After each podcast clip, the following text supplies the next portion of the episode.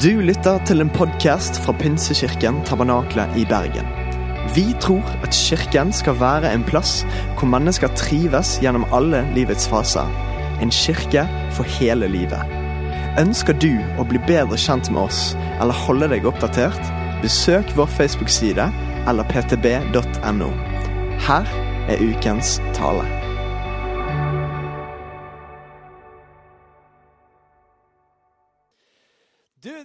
Veldig spennende å få lov til å starte en ny serie i dag om eh, etterfølgelse, disippelskap.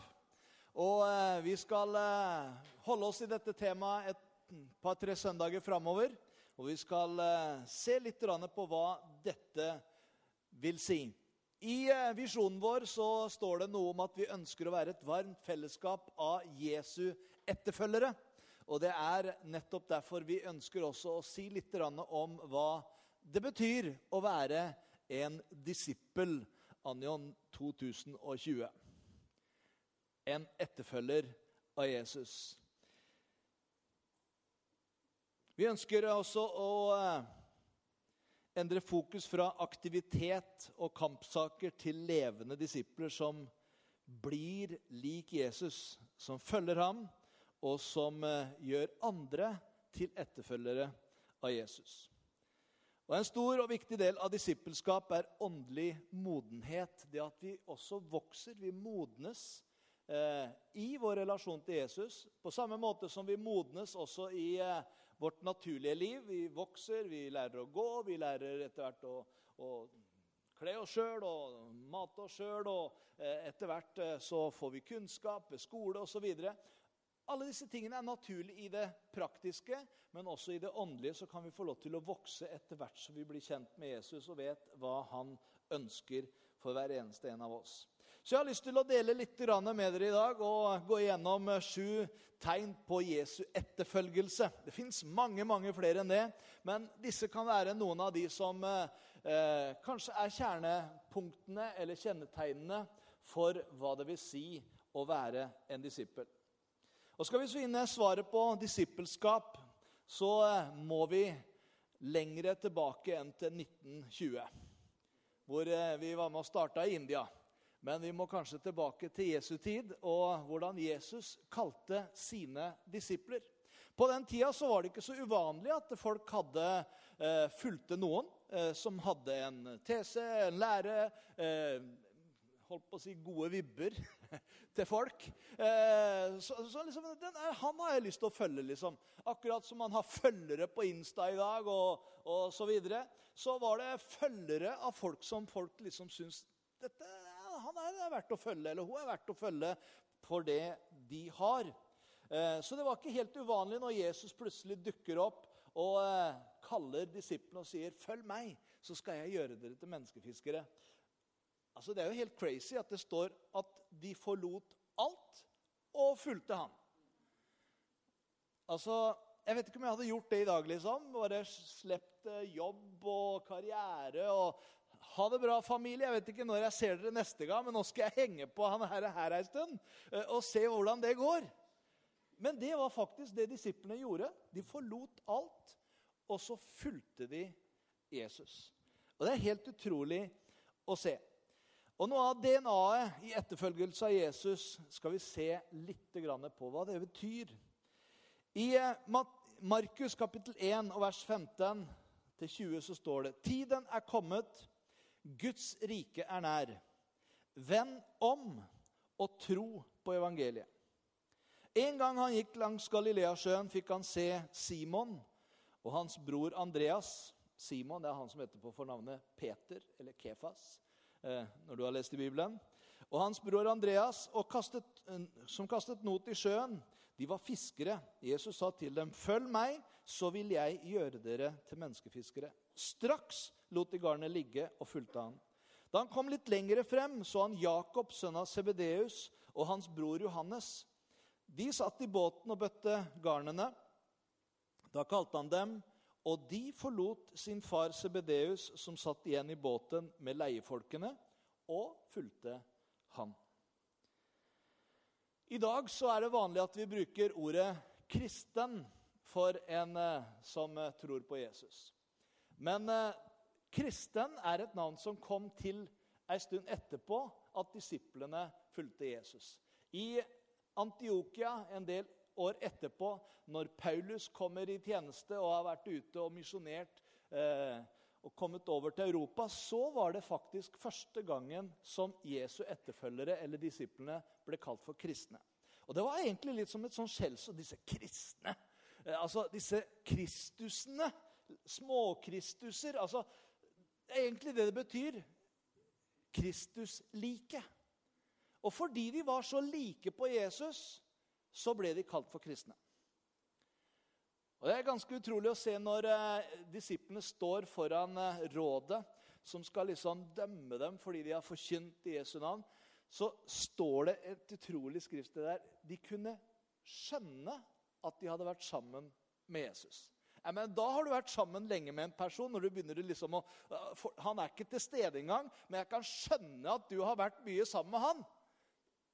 Jeg vet ikke hvordan de så det, om det var på faktene eller på gangen eller på ordene. Men jeg er sikker på det hadde mer enn det å gjøre. Det hadde noen verdier som de hadde blitt fylt med, som gjorde at mennesker kunne kjenne igjen at de hadde vært sammen med Jesus. Og de var kristne. Tanken med at Jesus kalte dem for disipler, var at han kalte dem til etterfølgelse. Han var mesteren, og de var lærlingene. Jeg vet ikke om du har kjørt eh, bak en bil som det står en sånn L på. Eller kanskje du kjør, har kjørt en sånn bil som det står en svær L på. Eh, da er i hvert fall jeg veldig forsiktig når jeg kjører eh, ved siden av eller bak. noen sånne. For plutselig så kan de bare bytte fil eller liksom kjøre feil nesten inn i en rundkjøring. Eller, og, og, pussig nok så har vi liksom litt overbærenhet for de folka. Fordi det står liksom en sånn svær L på den der bilen, og da tenker du ah, ok, det er en lærling. Det er en som holder på og lærer å kjøre. Og Lærling er jo et uttrykk som vi bruker i Norge også i forhold til utdannelse. Når det gjelder eh, praktiske fag, snekkerfag f.eks., mekaniker, så kan du gå i lære og bli en lærling. Og da får du en som er en mester, en læremester, som du skal stå ved siden av, som du skal jobbe sammen med. Og han viser deg først hvordan det skal gjøres, og neste gang så sier når du gjør du det, og så kan jeg se på hvordan du gjør det, og neste gang så gjør du det alene. Skal jeg komme innom sånn av og til? Og så slipper man litt og litt etter hvert. Og etter hvert så er jo målet at lærlingen skal bli en mester. Og når han er mester, så kanskje får han igjen nye lærlinger som han skal trene opp og lære. Og jeg elsker den modellen, for det er nettopp det etterfølgelse av Kristus, disippelskap, handler om. Det handler om å gå sammen med Jesus, lære av han, og bli så ett med han i forhold til hans lære, det han ønsker å vise oss, at etter hvert så kan vi også lære andre hva Jesus ønsker at vi skal vite. Peter sier det slik i sitt første brev. Det var jo dette dere ble kalt til. For Kristus led for dere og etterlot dere et eksempel for at dere skulle følge i hans fotspor. Det er Jesus som er læremesteren, og han sier det til sine. Den som vil tjene meg, må følge meg. Og der jeg er, skal også mine tjenere være. Den som tjener meg, skal min far ære.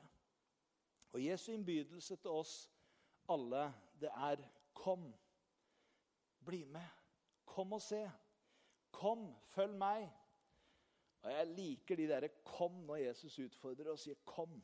Peter han liksom hadde lært en del, og, eh, men han strakk hele tida troa si. Så når Jesus plutselig kommer gående på vannet Jeg har ikke prøvd det så veldig mye ofte. Eh, men, men eh, da ble han helt sånn hvit i ansiktet. Jeg er sikker på det. Først så tror de at det er spøkelse. Og så når Jesus sier 'kom' Hæ, Mener du at jeg skal komme til deg på vannet? Ja, kom, sier han. Og så får han en opplevelse som han Den skulle jeg gjerne hatt. Den opplevelsen der. Men en annen ting er når Jesus sier 'kom' også. Han står ved strandkanten, og så har han laga stekt, deilig, nyfiska fisk. Peter, Jakob og Johannes de har vært ute og fiska hele natta. Dette her er etter Jesu død og oppstandelse. De tror at alt er slutt. Og så står han der, og så har han laga frokost til dem tidlig på morgenen med stekt fisk. Og så sier han, 'Kom, er dere sultne?' Og så får de ha et måltid sammen. Hvor Peter får en ny sjanse. For han hadde dumma seg skikkelig ut. Han hadde gått riktig på trynet etter at Jesus skulle dø og banna på at han ikke kjente Jesus. Han som sa om alle andre svikter deg, så kan du regne med meg. Han var til og med så tøff at han tok liksom sverd og kutta øra av en av disse her fangevokterne når de skulle ta Jesus. og var virkelig tøff. Men når Jesus setter dette øret på plass igjen og helbreder han, og så sier han det er ikke sånn vi skal gjøre. Lærte han noe av Jesus der også? Å elske sine fiender. Og han stikker av sammen med de andre. Og Dette møtet her ved vannkanten får Peter igjen med Jesus. Og dere hørte litt om det sist søndag med André som delte hvordan Peter får møte Jesus og Jesus kjærlighet på nytt igjen. Hva innebærer det da å være en etterfølger? Det innebærer for det første at vi har fellesskap med Jesus. Etterfølgelse av Jesus det er 100 frivillig. Og når Jesus sa 'følg meg til sine disipler', så var det like mye en invitasjon som en befaling. Så kan du lure på ja, men hvis jeg begynner å følge Jesus, må jeg lese Bibelen da? Må jeg be? Må jeg liksom komme hele uka på bønneuka og be? Må jeg gå på alle kristne møter, da, eller? Må jeg da begynne å gi fast? Må jeg bli medarbeider i kirka hvis jeg begynner å liksom, gå her ordentlig? Må jeg endre livsstilen min?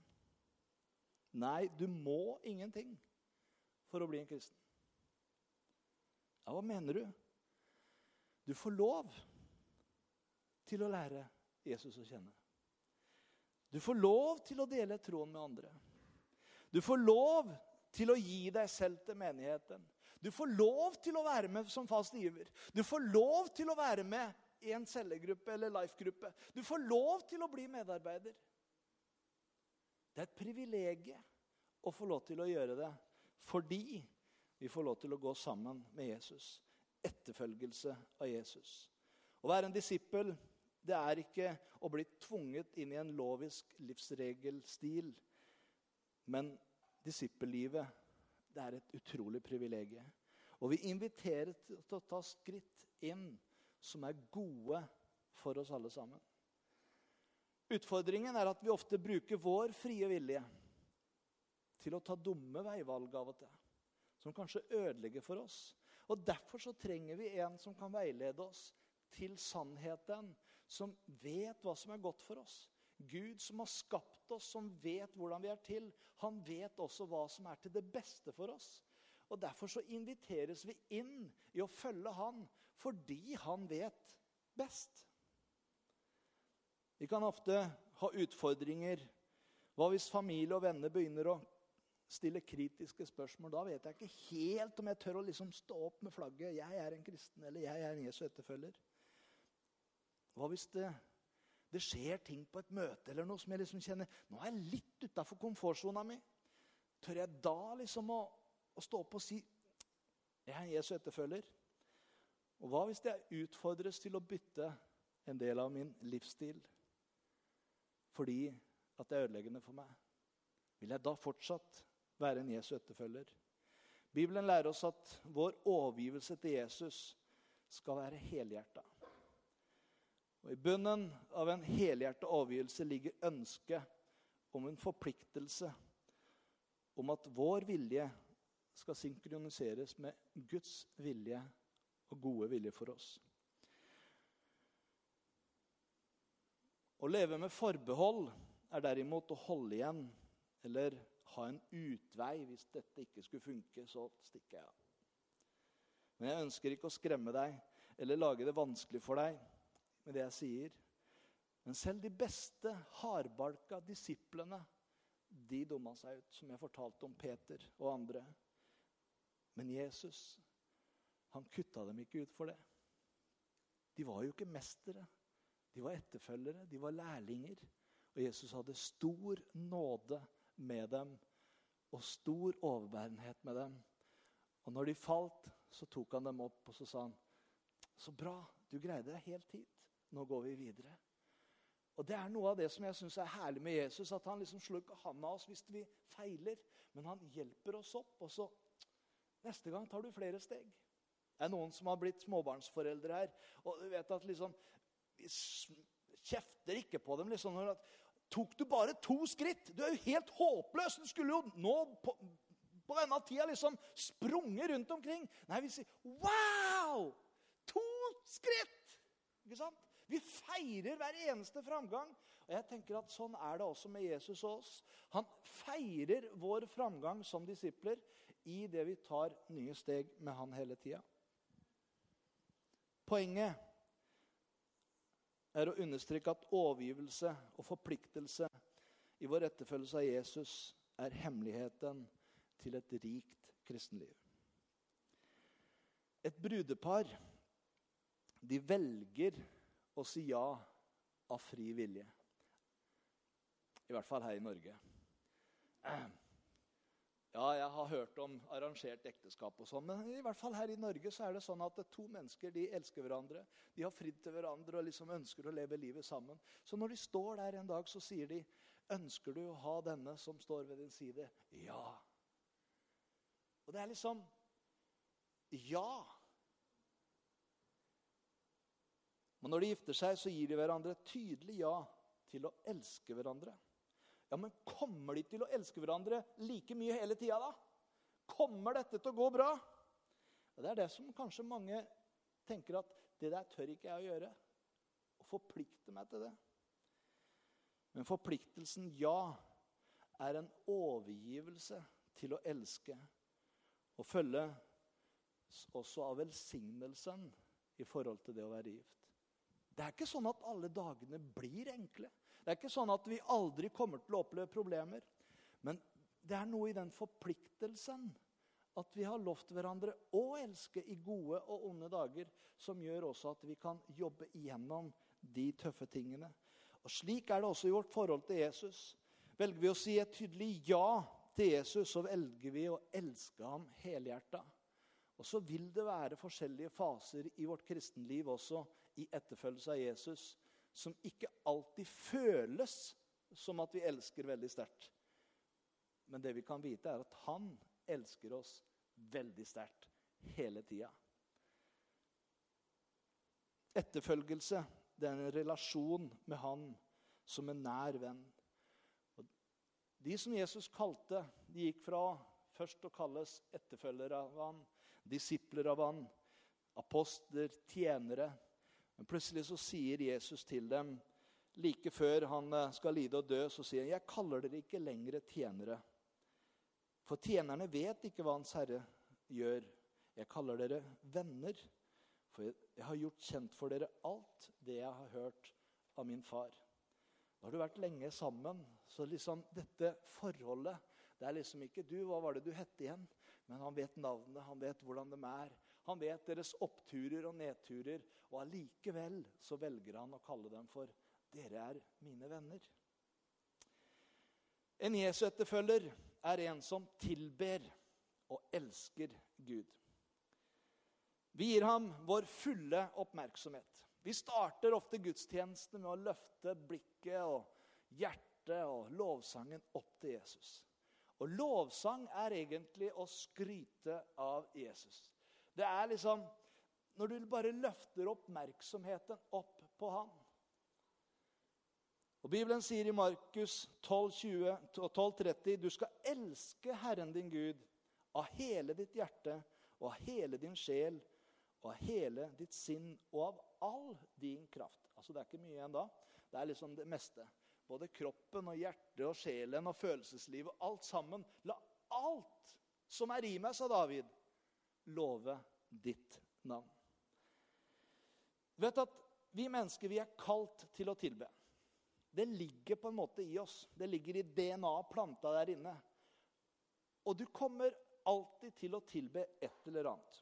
Noen tilber idoler. Noen har noen idoler som de liksom ah, Det er bare De kan selge hus og bil og båt og alt som er, bare for å komme på den konserten. Liksom, fordi at det idolet er der. Noen har fotballag som de blir helt crazy av.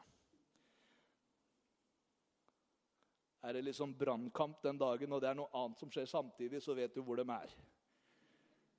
De er der i, i liksom den derre sida der hvor alle står og hopper og skriker hele kampen. Om de har sett kampen, vet jeg ikke, men de er i hvert fall lager bra liv i kampen. Og Det er skikkelig tilbedelse, altså. Noen tilber kroppen. Jeg har noen sånne venner på Facebook. Jeg er såpass gammeldags at jeg bruker Facebook enda. Eh, jeg har blitt eh, utfordra til å begynne å forandre litt. Gå med på Insta og sånne ting. Jeg jobber med saken. Men, men der har jeg noen sånne som liksom Du bare skjønner av hele Facebook-profilen at de tilber kroppen sin. Du, jeg vet ikke om du har noen sånne? Det er liksom alltid med et kamera foran, liksom. fordi at du må jo ha det ikke sant, og speile for å kunne speile alt det man tar bilde av. Eh, og du bare skjønner at mm, her er det en form for tilbedelse. Noen tilber bilen. Bytta den ut tre-fire ganger allerede fordi at den forrige var ikke god nok og sterk nok. Og, eh, noen tilber jobben. De bare kobler ut alt fordi jobben er så viktig. Så er spørsmålet hva er det du gir din fulle oppmerksomhet? Jeg hadde en hund, et par stykker, for noen år sia. Her i Norge har jeg ikke turt å ha det, for vi, vi liksom, det, det, skal jo ut og løfte opp alt mulig greier og forskjellig. Eh, men eh, i Sør-Amerika var det sånn litt enklere. Er det noen som har hund her? Ja, det er bra. Eh, vet du at Hunder de har en form å tilbe på. Liksom når, når, når eieren kommer hjem, så er det liksom full baluba. Det er bare med en gang du åpner døra, så Og de hopper opp og slikker deg opp og ned alt mulig. ikke sant? Fordi de er så glad. Selvfølgelig er de glad. Du gir dem jo mat, du tar tur med dem, du plukker opp bæsjen for dem hele tida. Altså, de, de, gjør jo ingenting annet enn å bare leve og kose. Og av og til bjeffe litt på folk som kommer. Men når du kommer, så bare viser han deg hele sin hengivenhet. Det er et bra bilde egentlig på hva hengivenhet og tilbedelse er. Og visste du at uh, ordet 'kysse' er synonymt med tilbedelse? Det er ganske intimt. Jeg, jeg mener ikke sånn vennskapskyss. Liksom, jeg har jo bodd i Sør-Amerika liksom to sånn hver, i lufta ikke sant, på hver side. Eh, det er jo greit nok, men intimkyss det er det bare ei som får.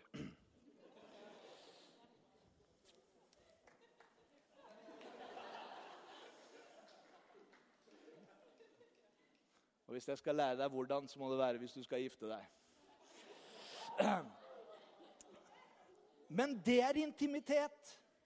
Og jeg bare elsker at Bibelen snakker om det å kysse som det å tilbe. Det kom en til meg etter formiddagsmøtet. Da vet du, Det står i salmene 'Kyss sønnen', sa han. Ja, Hvem er sønnen? Jo, Jesus. Tal vel om han. Gjør godt mot han. Det handler om intimitet. Det handler om å ville være nær der hvor han er. Fordi han har gjort så utrolig mye for deg. Han har vist deg vei. Han har vist deg så mange ting i livet som vil være med å hjelpe deg. Og etter hvert som du lever i en relasjon med han og begynner å lære han å kjenne, så kjenner du bare at du ønsker å bare ære han og tilbe ham med alt det du har. En Jesu etterfølger, han elsker ikke bare Gud eller Jesus, men han elsker også andre kristne. Ja, bare kristne, sier du? Nei, men det begynner der. Det begynner der, i hvert fall. Det er som i en familie. Du, du liksom Du kan jo komme til meg og si at du, jeg er veldig fornøyd med deg, Benjamin. Du er en kjernekar, men hun Linda hun har jeg noen greier på. Og, og sønnen din, han er borte i Oslo, han er, han er ikke mye til å Vet du hva? Det hjelper ingenting om de har skrøt av meg først, hvis de rakker ned på resten av familien min etterpå. Da kjenner jeg at takk for den skryten, men den kan du bare beholde sjøl. Hvorfor det? Jo, for det er noe i det at vi elsker søsknene. Altså, vi elsker familien vår. Og sånn bør det også være i Guds familie. Jeg vet ikke om du har hatt det sånn, men altså, jeg kunne jo slåss og filla føk med min bror når vi var små. Det var sånn der, vennskapelig broderslåsskamp. Eh, og vi var jo gutter, så vi, vi prøvde også på det. Men med en gang det kom noen andre som skulle ta han, nåde den. Da beskytta jeg broren min som alt jeg kunne. Jeg tror du skjønner hva jeg mener. Gud har kalt oss inn i et fellesskap, og vi er kalt til å ta vare på hverandre. Og Jesus sier det egentlig så sterkt når han underviser om det. Den som sier 'Jeg elsker Gud', men likevel hater sin bror, er en løgner. For den som ikke elsker sin bror, som han har sett, kan ikke elske Gud han ikke har sett. Og dette er budet vi har fra ham. Den som elsker Gud, må også elske sin bror eller søster. Og så har han gitt oss noen gylne regler. Altså Jesus, Når han underviser, når han veileder oss, når vi har den L-en på oss, så vil han liksom lære oss hele tida. Og En av de tingene som ble kalt for den gylne regelen, husker jeg vi lærte på Tentro. Alt dere vil at andre skal gjøre mot dere, skal dere gjøre mot dem. Matteus 7, 12. En god leveregel. En Jesu etterfølger han ønsker å gjøre det Jesus ber oss om. Hvis dere blir i mitt ord, sa Jesus, da er dere virkelig mine disipler. Og da skal dere kjenne sannheten, og sannheten skal gjøre dere fri.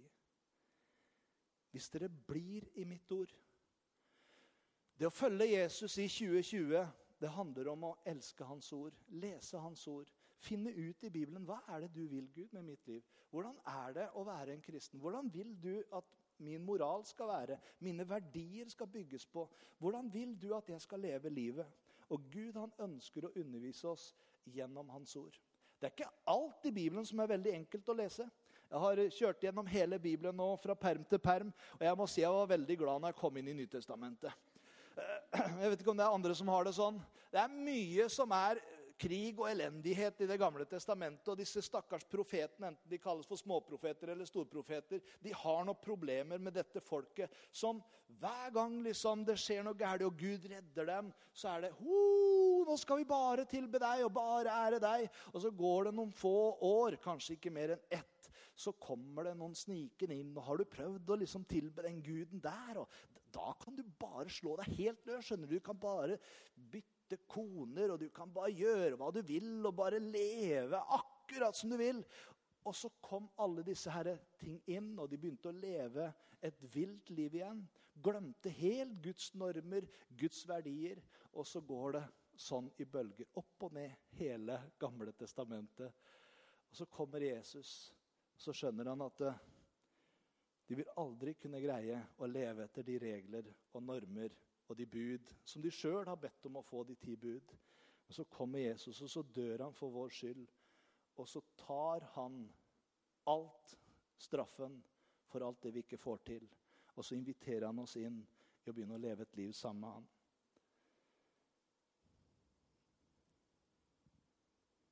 Bibelen er en utrolig bra bok som lærer oss om både oppturer og nedturer, og hvordan de kan leve. Og Bibelen sier også at dere må være, gjøre det ordet sier, og ikke bare høre det. Det er Jakob som sier det, en av Jesu disipler. Ellers vil dere bare bedra dere selv.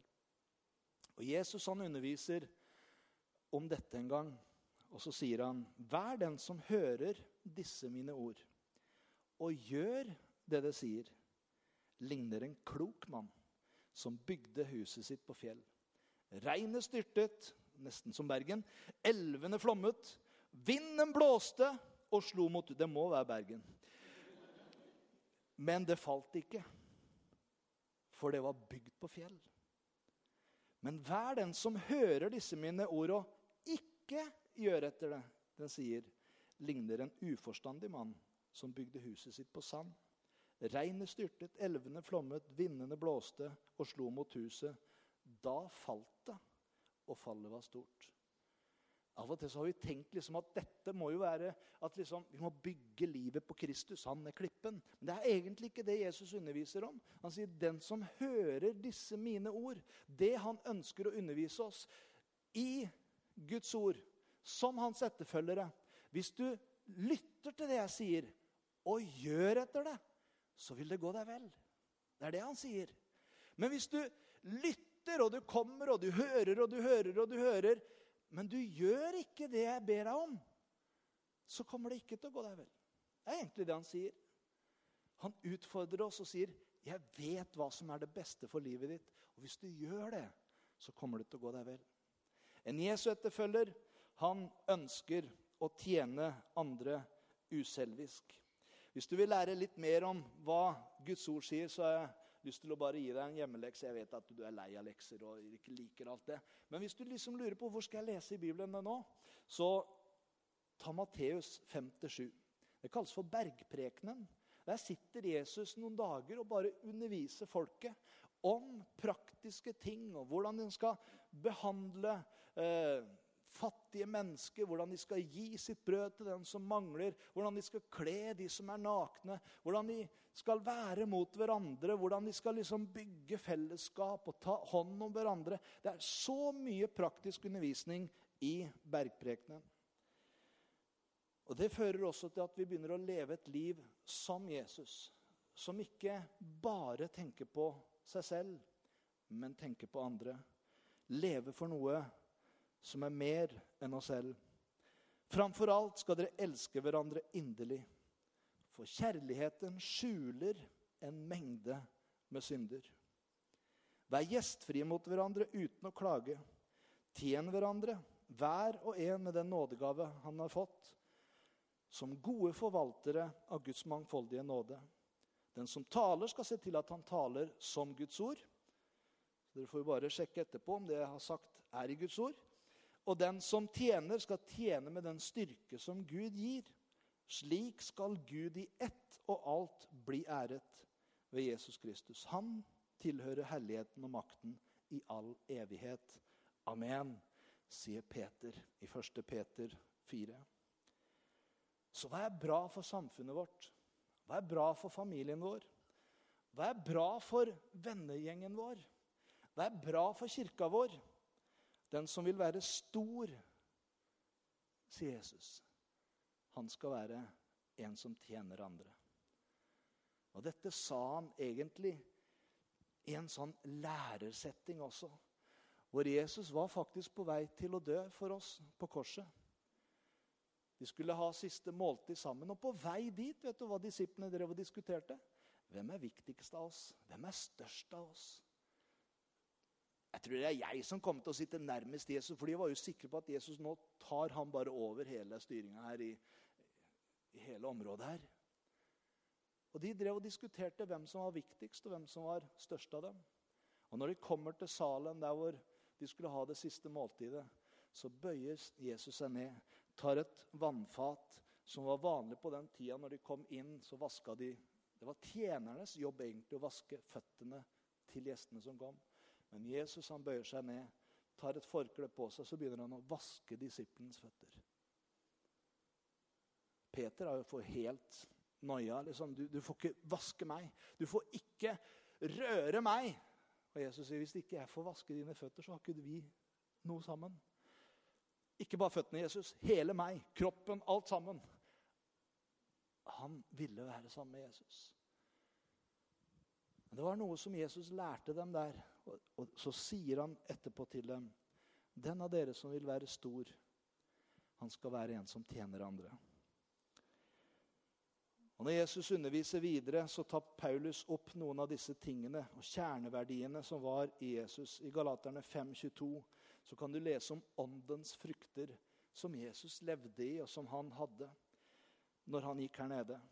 Han var full av kjærlighet, glede, fred, overbærenhet, vennlighet, godhet, trofasthet, tålmodighet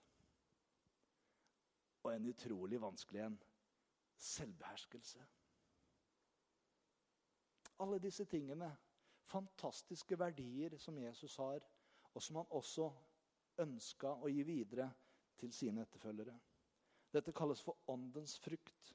Å bli mer lik Jesus handler om å bli prega av hans karakter.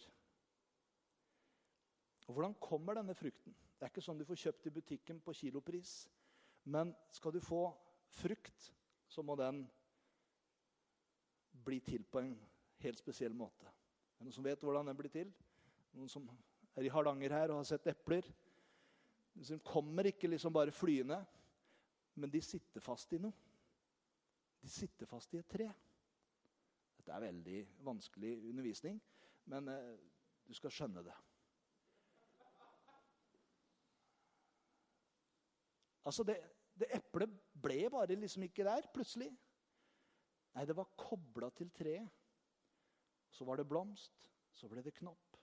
Og så vokste det, så utvikla det seg til å bli den frukten som du og jeg kan etterpå få kjøpt i butikken. Kjærlighet, glede, fred, overbærenhet, langmodighet, alle disse tingene som vi har snakka om, det kommer heller ikke av seg sjøl. Det er liksom ikke sånn 'Kjære Gud, nå må du bare gi meg all den tålmodigheten, kjærligheten' og, og liksom, 'Kan du ikke bare legge hendene på meg, og så får jeg alt det nå?' Nei, det, det er ikke sånn det fungerer. Du må være kobla til treet. Ja, hva mener du? Jesus sier, 'Jeg er vintreet. Dere er grenene.' Hvis dere blir i meg, så bærer dere mye frukt. Men uten meg kan dere ikke gjøre noen ting. Jeg syns både det er herlig, befriende og godt samtidig. For det betyr at jeg skal ikke prestere disse tingene. Men det jeg er kalt til, det er å være kobla på Jesus. Det å gå nær han. Det å få lov til å følge han. Lese i Guds ord. Hva er det du vil med livet mitt? Hva er det du vil jeg skal gjøre? Og i den grad jeg velger å tro det og gå i det, så er jeg kobla til han. Og så begynner disse fruktene naturlig å synes i livet mitt fordi jeg er kobla til Jesus.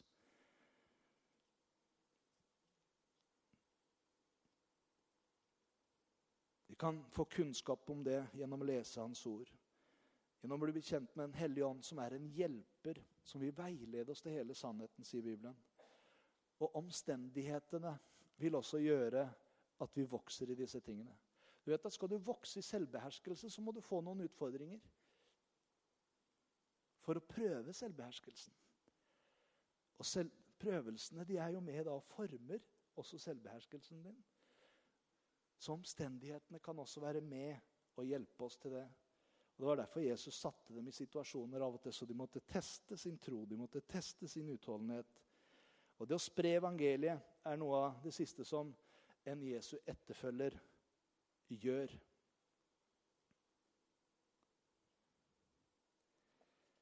Og så har han gitt oss Den hellige ånd som en hjelp for å gjøre det. Jeg skal ta det en annen gang. Men jeg har lyst til å avslutte med det jeg begynte. Når Jesus avslutter sin tjeneste og har gjort disipler De var tolv, de var tre i nærgruppa. Men det står når Jesus sto opp fra de døde, så var det 500 på en gang som så Jesus som var der.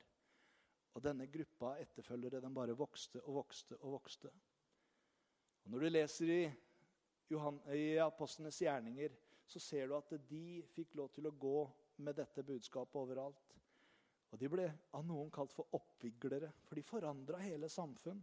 Disse som oppvigler hele verden, har nå kommet hit, står det i kapittel 18 tror jeg, i Apostlenes gjerninger. De var i Jassons hus. For et vitnesbyrd! De er med å forandre hele samfunnet. Og Det er det som jeg tror Gud ønsker at vi skal få lov til å gjøre også. I den grad vi velger å si Jesus, 'Jeg vil bli din etterfølger'. Skal vi stå opp sammen? I Matteus 28, som er misjonsbefalingen, så sier Jesus meg er gitt all makt i himmel og på jord. Gå derfor ut og gjør alle folkeslag til troende. Står det det? Nei, det står disipler. Disipler. Jesus kaller oss mer enn bare til et valg om å si 'Jesus, jeg velger, jeg skal tro på deg'. Ok, jeg, jeg tror på deg. Men det Jesus egentlig kaller oss til, er mer enn bare å si 'jeg tror på deg'. Han ønsker at vi skal være hans disipler. Han vil at vi skal være etterfølgere av han. Og det å ta et valg er en viktig start. Det er som en fødsel. Du blir født inn i denne verden. Men hvis det var bare fødselen som var viktig, så ble det jo ikke noe av livet. Men det er når fødselen er kommet i gang, du har kommet ut, det er da livet virkelig begynner. Og Sånn er det som en kristen også. Du får ta et valg. Jeg velger Jesus. Jeg ønsker å gi mitt liv til deg. Jeg tror på deg. Takk at du flytter inn i mitt liv, og så hjelper du meg fra i dag av å bli en etterfølger av deg. Det er å være en moderne disippel. Det er å være en som har tatt et valg fordi at det begynner noe i dag. Det begynner noe nytt. Jeg er ikke utlært. Det er ikke sånn 'Nå har jeg tatt imot Jesus, og nå er alt forandra'. Nei, du skulle bare visst. Du kommer til å se helt lik ut i speilet når du kommer hjem i kveld. Du kommer til å ha litt de samme aggresjonene som du hadde dagen før. Men det som skjer, er at etter hvert som du lever sammen med han, så begynner han å endre ting i livet ditt. Og det er en prosess som er naturlig. Akkurat som en naturlig vekst for et barn, så ønsker han at du skal vokse i troen og kjennskapen til han.